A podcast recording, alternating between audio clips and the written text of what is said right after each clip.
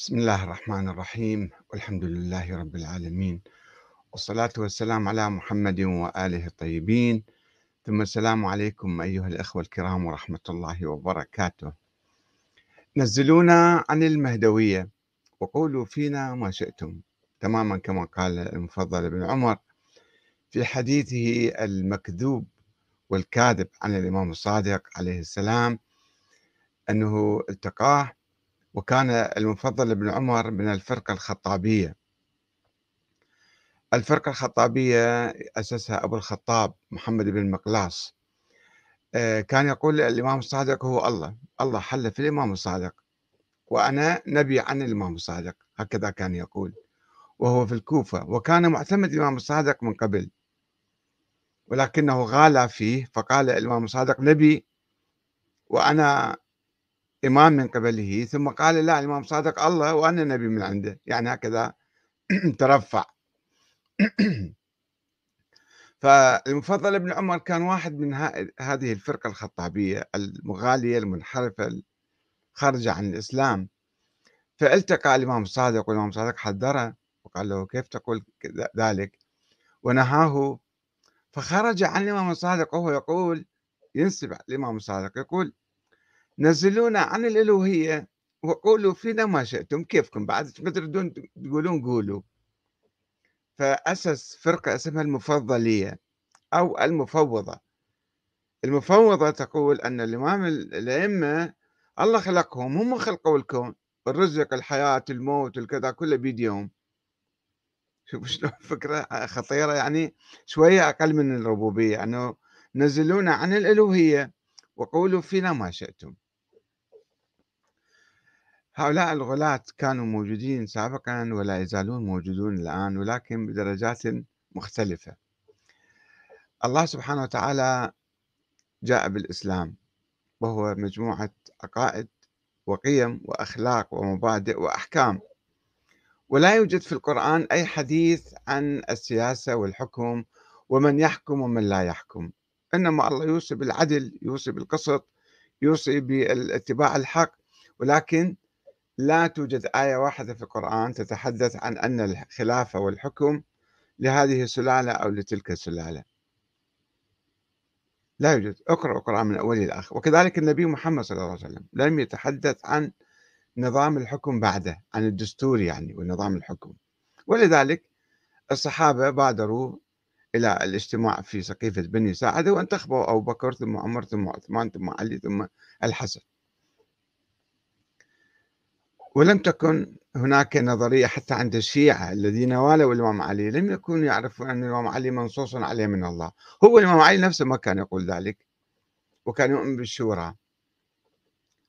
هاي النظرية المعقولة الشورى يعني الناس هم ينتخبون الحاكم في كل زمان وكل مكان. الناس يجتمعون بأي بأي صورة إما بصورة مثلا اجتماع جماهيري أو مثلا النخبة رؤساء القبائل. آه، مجلس النواب مثلا انتخابات مباشرة لرئاسة الجمهورية أي شيء كان هذا كان يعني معقول. هاي النظرية اللي تركها الإسلام للناس. وهي يعني عدم تنصيص الإسلام على نظام معين هذا يعني من أجل ضمان حرية الناس. ليجي واحد يسيطر عليهم بعدين ويقول أنا مثلا الله عينني عليكم وبالتالي يقيم نظاما ديكتاتوريا. ولكن المشكلة في التاريخ أن بعض الحكام وخاصة الأمويين جاءوا أولوا بعض آيات القرآن. يا يعني الذين آمنوا أطيعوا الله وأطيعوا الرسول وأولي الأمر منكم.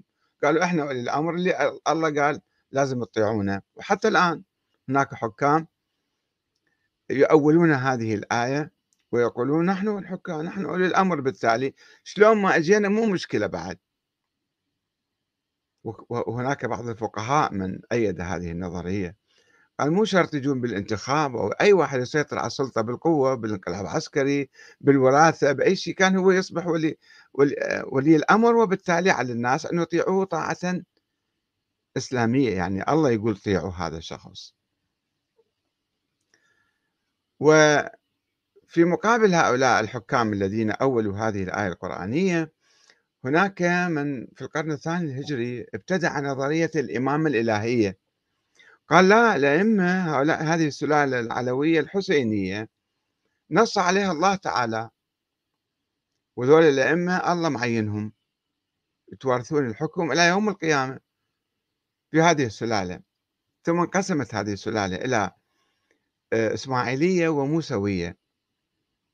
الموسوية وصلوا إلى طريق المسدود بعد 100 150 سنة وانقطعت سلسلتهم. الإمام العسكري توفى وقال أنا ما عندي ولد وانتهى الموضوع. الإسماعيلية استمروا بعد ذلك. خرج الإمام المهدي المختبئ مالهم وأقام الدولة الفاطمية. واستمروا حتى الآن موجودين أئمة عندهم بمختلف فروعهم. هم هم انقسموا إلى فروع عديدة. والآن الأغا خان يقول أنا الإمام الوريث مال علي بن أبي طالب وأنا وريث الإمام موسى بن جعفر الصادق والبعض يعني نفس النظرية أخذوها مسلسلين وهم يحكمون بدون ماكو شيء اسمه انتخابات وشورى ونقد. لا الإمام معصوم كل شيء يقول هو من الله تعالى. هاي النظرية مستمرة ولو الآن يعني بعد سقوط الدولة الفاطمية وسقوط الدولة النزارية في شمال إيران صاروا يعني مجموعات متفرقة وطوائف يعني. الفرقة الموسوية اللي قالت الإمامة مو إسماعيل إسماعيل مات في حياة أبيه وسقطت الإمامة من عنده فالإمامة تصير إلى موسى بن جعفر. واستمرت إلى الرضا والجواد والهادي والعسكري وصارت الحيرة وقعت الحيرة بعد وفاة العسكري ماكو أحد يعني ماكو إمام. فتفرقوا إلى أربع عشرة فرقة وتغيروا وتفرقوا يعني هنا وهناك. فرقة منهم قالت بوجود ولد مخفي للإمام الحسن العسكري وهو الإمام الثاني عشر. ثم قالوا بعد ذلك أنه هو الإمام المهدي المنتظر. طيب في فترة سبعين سنة كانوا يقولون بعض الناس إحنا على علاقة خاصة به. إحنا نوابه إحنا سفراؤه إحنا أبوابه. النواب الأربعة اللي يسموهم عثمان بن سعيد العمري وابنه والصيمري والنوبختي وذولا لمدة سبعين سنة تقريبا يسموها الفترة هاي فترة الغيبة الصغرى. يعني الإمام كان يلتقي فيهم هم كانوا يشوفوه من كان طفل عمره خمس سنين هم أصبحوا نوابة وسفراء. أعطاهم أعطاهم نيابة. الصمري عندما مات سنة 329 آه، قال يابا ترى بعد ما تشوفون واحد وأي واحد يقول لكم أنا شفت الإمام المهدي وعلى علاقة به فكذبوه. وهذا انتشر بين الشيعة في القرن الرابع والخامس وطوال قرون آه، طويلة أنه ما حد ما يجوز يقول أنا التقيت بالإمام المهدي بعد وشفته وحكى وياي وكذا هذا ما يجوز. هذا إجماع الشيعة تقريبا خلال هالألف سنة الماضية. على عدم جواز آه، أنه اسمه واحد يقول أنا التقيت بالإمام المهدي حتى ينقل عن السيد السيستاني أنه مرة كان جاي وفد من الخواجة من بريطانيا فواحد سأله قال له سيد باسم الشرعي ينقل هذا وكيله في أمريكا؟ يقول آه، هذا الشخص سأل السيد السيستاني بالإنجليزي طبعا أنه أنت هم تلتقي بالإمام المهدي فالسيد السيستاني طلب من المترجم قال له اسكت لا تحكي لا تقول لا تجاوب أصلا لا اي ولا لا خليها صنصة فبعد ما راحوا هذا المترجم كما ينقل السيد باسم الشرع يقول سأل السيستاني قال له ليش أنت يعني قلت لي أنه اسكت ولا تحكي هو. قال له شو أقول أنا؟ أقول أنا أشوف الإمام مهدي يقول أي واحد يدعي الرؤية فكذبوه. أقول ما أشوفه يقول هذا شلون نرجع؟ ما يشوف الإمام المهدي فراح يعني يوجد الشك في قلوبهم تجاه المرجعية مالتي. المهم هذا الدليل على أنه ماكو واحد يعني يعني يجرؤ على ادعاء أنه أنا آه، شفت الإمام المهدي حتى الشيخ المفيد اللي اجى بعد الغيبة الصغرى يعني بعد 100 سنة تقريبا 50 سنة آه هذا قال الإمام المهدي دز لي رسائل فد واحد بدوي من الصحراء أعرابي من الصحراء جايب بريد وبالرسالة آه، إيش مكتوب؟ فد واحد كاتب بالرسالة همات مجهول منه هذا يقول هذا الواحد المجهول أن الإمام المهدي أملى عليه هذه الرسائل المعروفة منشورة. طبعا الشيخ المفيد ما يذكرها في أي كتاب من كتبه وإنما بعدين ورا 100 سنة 200 سنة إجا الطبرسي في الاحتجاج وابن شهر آشوب ما أدري فيها كتاب. قاموا ينقلون ورا 100 200 سنة عن الشيخ المفيد أنه الإمام المهدي دز له رسائل. بعدين قطعت الرسائل. حتى رسائل هذا الإمام المهدي ما قام يدز لأحد. شوفوا عبر التاريخ ماكو واحد يقول أنا آه، إمام دز لي رسالة. فهنا هاي النظرية اللي نظرية الإمامة اللي يدعون بها أن هم يعني على معينين من قبل الله تعالى. طب هاي لما ندخلها في الواقع في السياسة هم الأئمة كانوا يتبرؤون من عندها وكانوا ينفوها. ولكن هذا الكلام اللي كان ينشر عنهم لو كانوا هم فعلا موجودين مثل أئمة الفاطميين الدولة الفاطمية مثلا اللي هم يعتقدون هم بعد لهم حق إلهي بالإمامة تصير دكتاتورية يعني الميزان بين الناس وبين هذا الحاكم يصير الحاكم هذا يؤله الحاكم بعدين. وإذا ما يؤله يعني تقريبا يعني هذا معصوم ما حد يقدر يتكلم وياه فتصير دكتاتوريه مطلق مطلقة. ما في مجال للشورى وللنقد وللمحاسبة وللمراقبة والنظام يختل على أساس هاي النظرية الإلهية الإمامة الإلهية. يعني المنصوص عليها من الله في هذه السلالة. خطيرة جدا. آه الحمد لله انقطعت هاي الإمامة في حسن عسكري خلص الإمام راحت صار واحد ما موجود يقولون فد واحد غائب وسوف يظهر وكذا ما حد ما شايفه.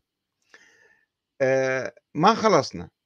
مع ذلك إحنا هالخط هذا اللي يسموهم اثنا عشرية بعد فترة آه قاموا يفترضون أنهم هم نواب عامون على الإمام مو خاصون نواب عامون أي واحد فقيه مجتهد يصير هذا نائب الإمام.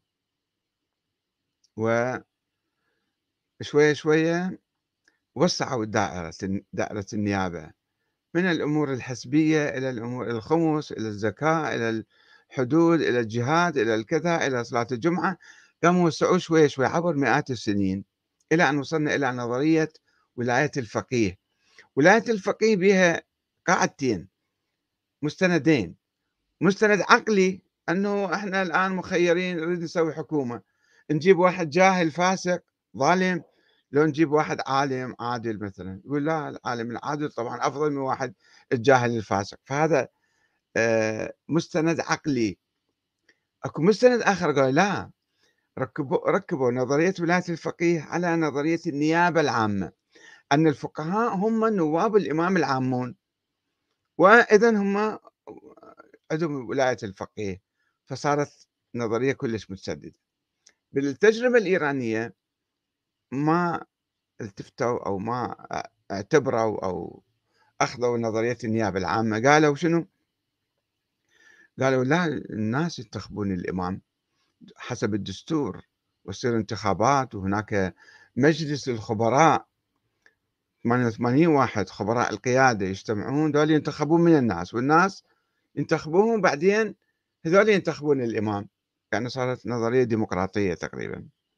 ولو بصورة خاصة يعني ولكن تعتمد على رأي الشعب وعلى رأي الأمة مو على أنه هذا الإمام عنده شرعية من الله تعالى وهذا نائب الإمام والإمام يلتقي به وكذا. هذا مو موجود. هذا في شيء جيد طبعا. آه، شيء عقلي ديمقراطي يعني. أتذكر عندما في بداية الثورة أنا كنت بإيران فإجا فد واحد شاعر مداح كذا خاطب الإمام الخميني في جلسة عامة يعني قال له يعني أنت قول عن الإمام المهدي بعد شنو بعد باقي؟ شنو هو الإمام المهدي؟ هو الذي يصلح الأمور هو الذي يعني يقيم العدل و... فقول عن الإمام المهدي. الإمام الإمام الخميني قال له لا لا لا لا تقول هالشكل أنا مو الإمام المهدي. رفض أن يدعي أنه هو الإمام المهدي. القضية راحت اجى السيد الخامنئي انتخب من مجلس هذا الخبراء مجلس الخبراء خبراء القيادة وأصبح قائدا. وهو بالبداية ما كان مجتهد هو ما كان يقول أنا مجتهد. فجابوا الشيخ العراكي بالواحد عمره فوق المية حطوه ثلاث سنين مكان يعني المجتهد. آه، وبعدين خامنئي رئيس جمهورية. ثم بعد ثلاث سنين قال أنا صرت مجتهد وشالوا ذاك أو مات يعني. الخامنئي نفسه ما يقول أنا ألتقي بالإمام المهدي ولا أنا عندي نيابة عن الإمام المهدي ولكن الحواشي الناس اللي داير مداير عادة عبر التاريخ حتى آه، السيد بحر العلوم القديم قبل 200 سنة ولا آه، علماء آخرون كانوا يقولون دائما هذول العلماء يلتقون بالإمام المهدي أو يدز لهم رسائل أو شيء. حتى السيد محمد الشيرازي كان كاتب في أحد كتبه أن السيد محمد حسن الشيرازي صاحب فتوى التنباك في أواخر القرن التاسع عشر الميلادي أنه هذا شلون صدر هالفتوى العظيمة اللي غيرت التاريخ؟ هذا راح وكان بسامرة فراح بسرداب الغيبة التقى بالإمام المهدي هناك والإمام المهدي قال لي يا روح صدر هاي الفتوى. هذا سيد محمد الشيرازي كاتب بعد 200 سنة جاء اللي يكتب الشكل. فإشاعات إشاعات يطلعون يعني لتعظيم المراجع وتعظيم الزعماء وتعظيم وهذا طبعا راح يخل بالميزان. يعني يسوي نوع من الارتباك ونوع من الاختلال آه، وتحدث مشاكل. آه، قبل أربع خمس سنوات سنة عشرة أربعة 2017 ممثل الولي الفقيه لإدارة شؤون مسجد جمكران تعرفون مسجد جمكران أو أعظم مسجد صاير بإيران الآن. هذا مبني على أسطورة. واحد بالمنام قبل ألف سنة ألف سنة قبل. فرد شيخ شاف الإمام مهدي بالمنام قال له يا بسوي مسجد هنا. فقام سوى له مسجد صغير. بعد الثورة إجوا على هاي الأسطورة وسووه أكبر مسجد وهذا مسجد الإمام المهدي مسجد جمكران في قم. وإجوا الناس بالملايين قاموا يحشدون الناس تعالوا زوروا هذا المسجد. وكتبوا رسائل للإمام المهدي. سووا فرد بير يوميا يمتلي هذا من الرسائل. كل واحد عنده رسالة للإمام المهدي يكبها بهذا بعدين سووا بيرين بير للنسوان وبير للرياجيل وبعدين ذول البلدية تجي تشيلها تذبها بالصحراء. الرسائل لا الامام المهدي يشوفها ولا أحد يقراها. ربما المخابرات تشوفون شنو بيها هاي مثلا مواضيع الناس يردون. يمكن الله أعلم ما أدري يعني أتوقع يعني هالشيء هذا. المهم هذا واحد الامام الخامنئي معينة آه، آه، اسمه الشيخ محمد حسن رحيميان. ينقلون عنه المقربين من عنده يقولون هذا الرجال خوش صادق وما يكذب وكذا. بس شلون طلع طلع هالطلعة ما يتعجبون من عنده. فهذا كان رئيس السابق لمنظمة الشهيد الإيراني أيضا وممثل الولي الفقيه في هذا مسجد جمكران في قوم.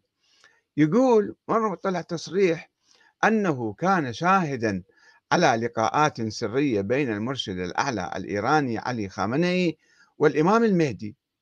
يعني هو شاف الإمام المهدي معناته إذا هو كان شاهد وشاف خامنئي يلتقي بالإمام المهدي يعني هو شاف الإمام المهدي الذي يزعم الشيعة أنه غاب عن الأنظار منذ سنة 260 للهجرة وأنه لا يزال على قيد الحياة. موضحا مو بس مرة ومرتين عدد أن عدد اللقاءات كانت 13 مرة في سرداب مسجد جمكران بالسرداب شافه.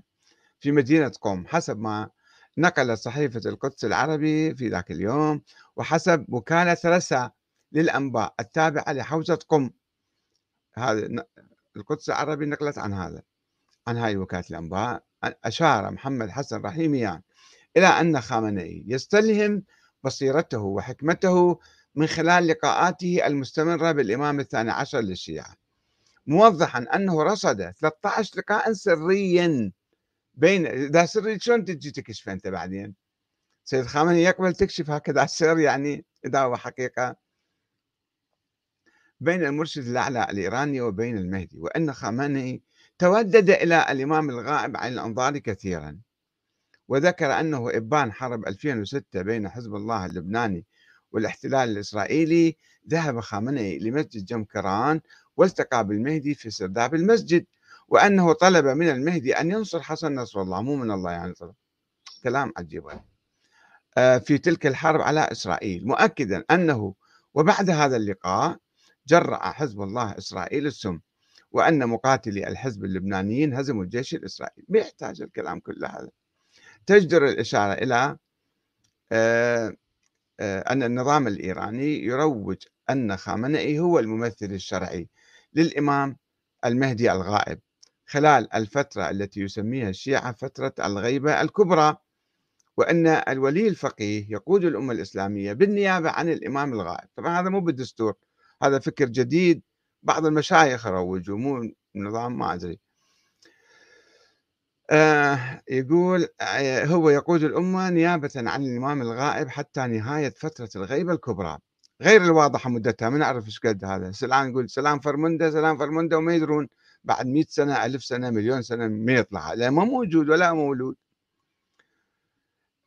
ويروج النظام في طهران أن المهدي يتخذ من سرداب الضريح الشيعي في مدينة سامراء العراقية وسرداب مسجد جمكران في قوم محلين لإقامته ولقاءاته مع كبار الحوزات الشيعية والمراجع هذا كلام صحفي ما أعرف مدى صحته وما أعتقد هذا الكلام صحيح لأن الشيعة ينفون يقول لا الإمام المهدي مو بالسرداب عايش يتجول بين البلاد المختلفة عايش بالجزيرة الخضراء ما أدري وين. المهم هسه هذا هم راح المشكلة مو أنه آه، خامنئي يؤمن يلتقي بالإمام المهدي ويقول أنا مثلا نائب الإمام وكذا أكو شيء يعني أصقع من هذا كما يقول العراقيون.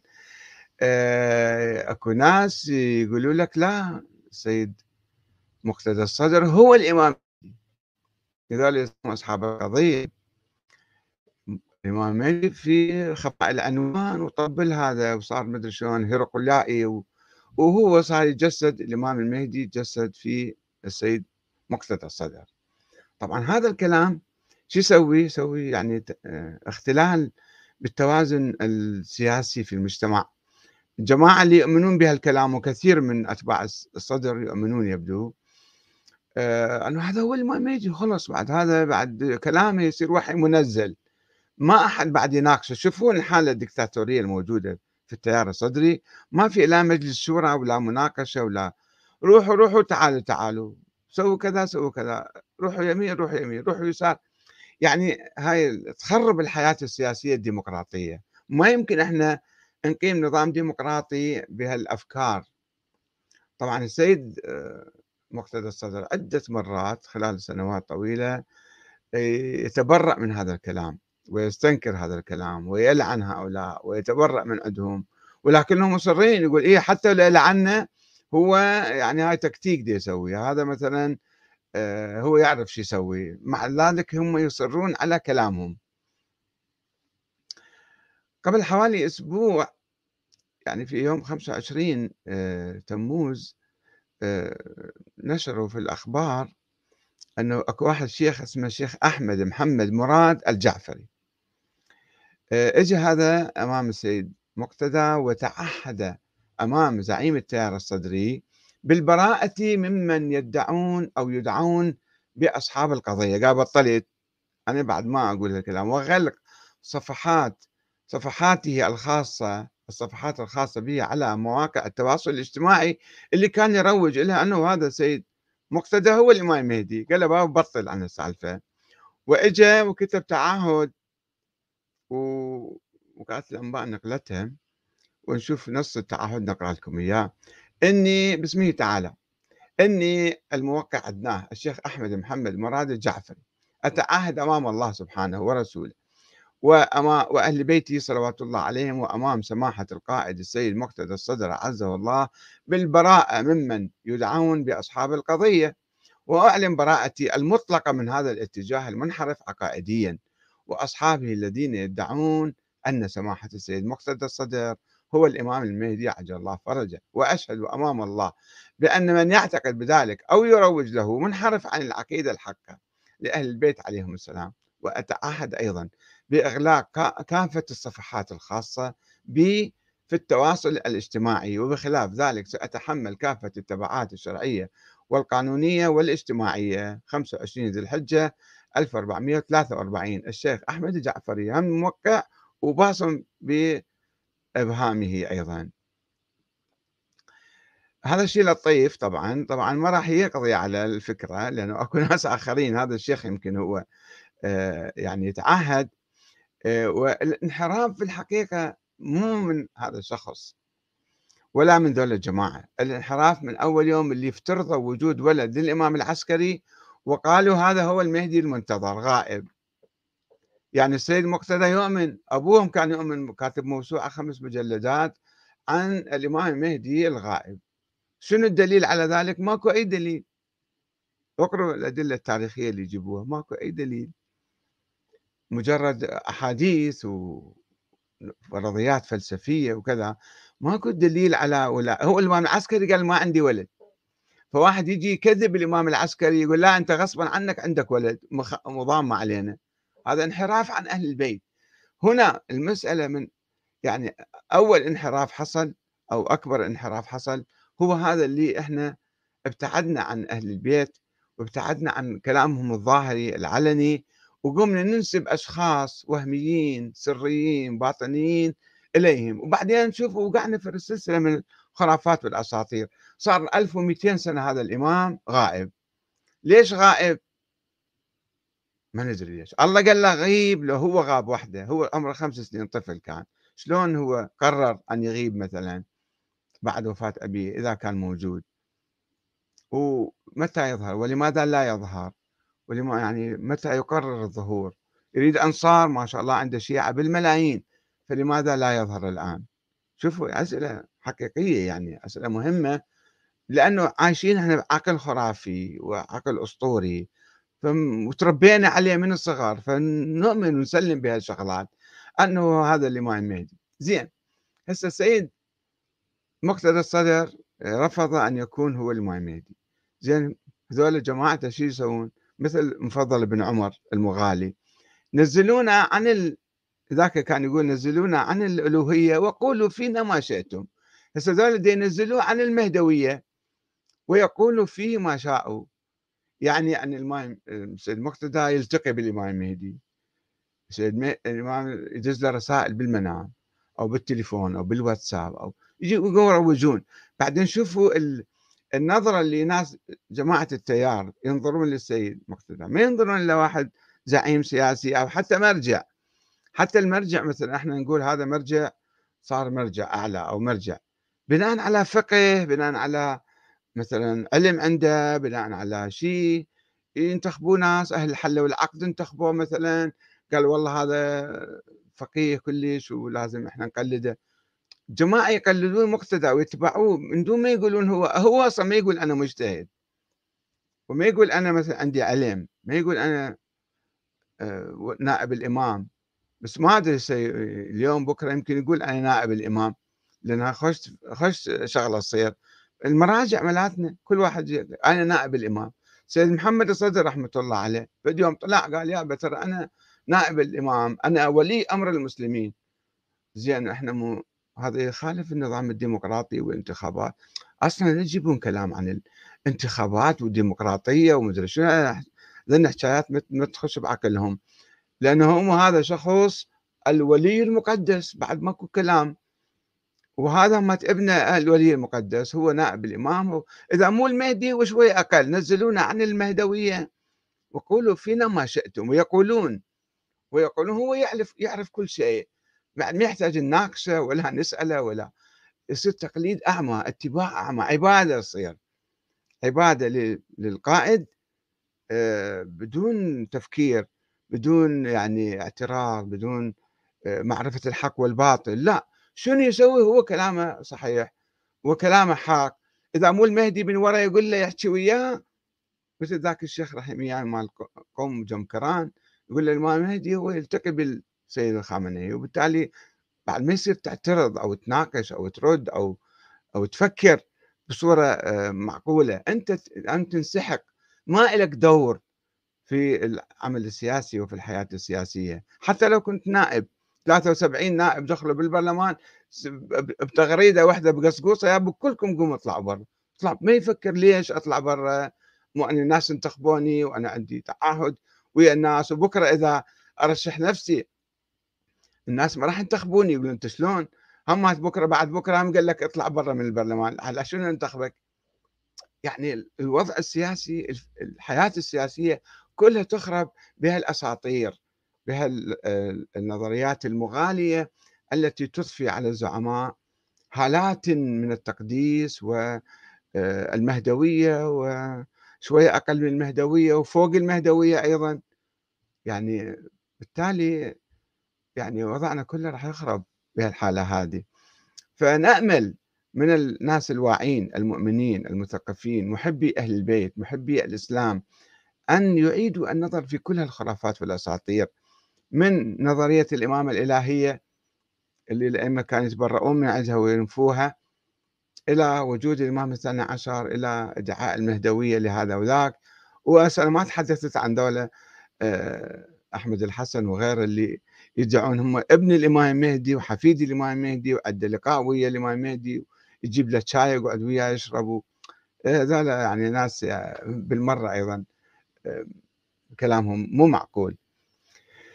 ولكن أنا أنا أتكلم عن الناس اللي عندهم شوية عقل ويردون يبنون البلد بناء ديمقراطيا معقولا حتى نتقدم في هذه الحياة ونطبق العدالة للجميع ونحل مشاكلنا. والسلام عليكم ورحمة الله وبركاته.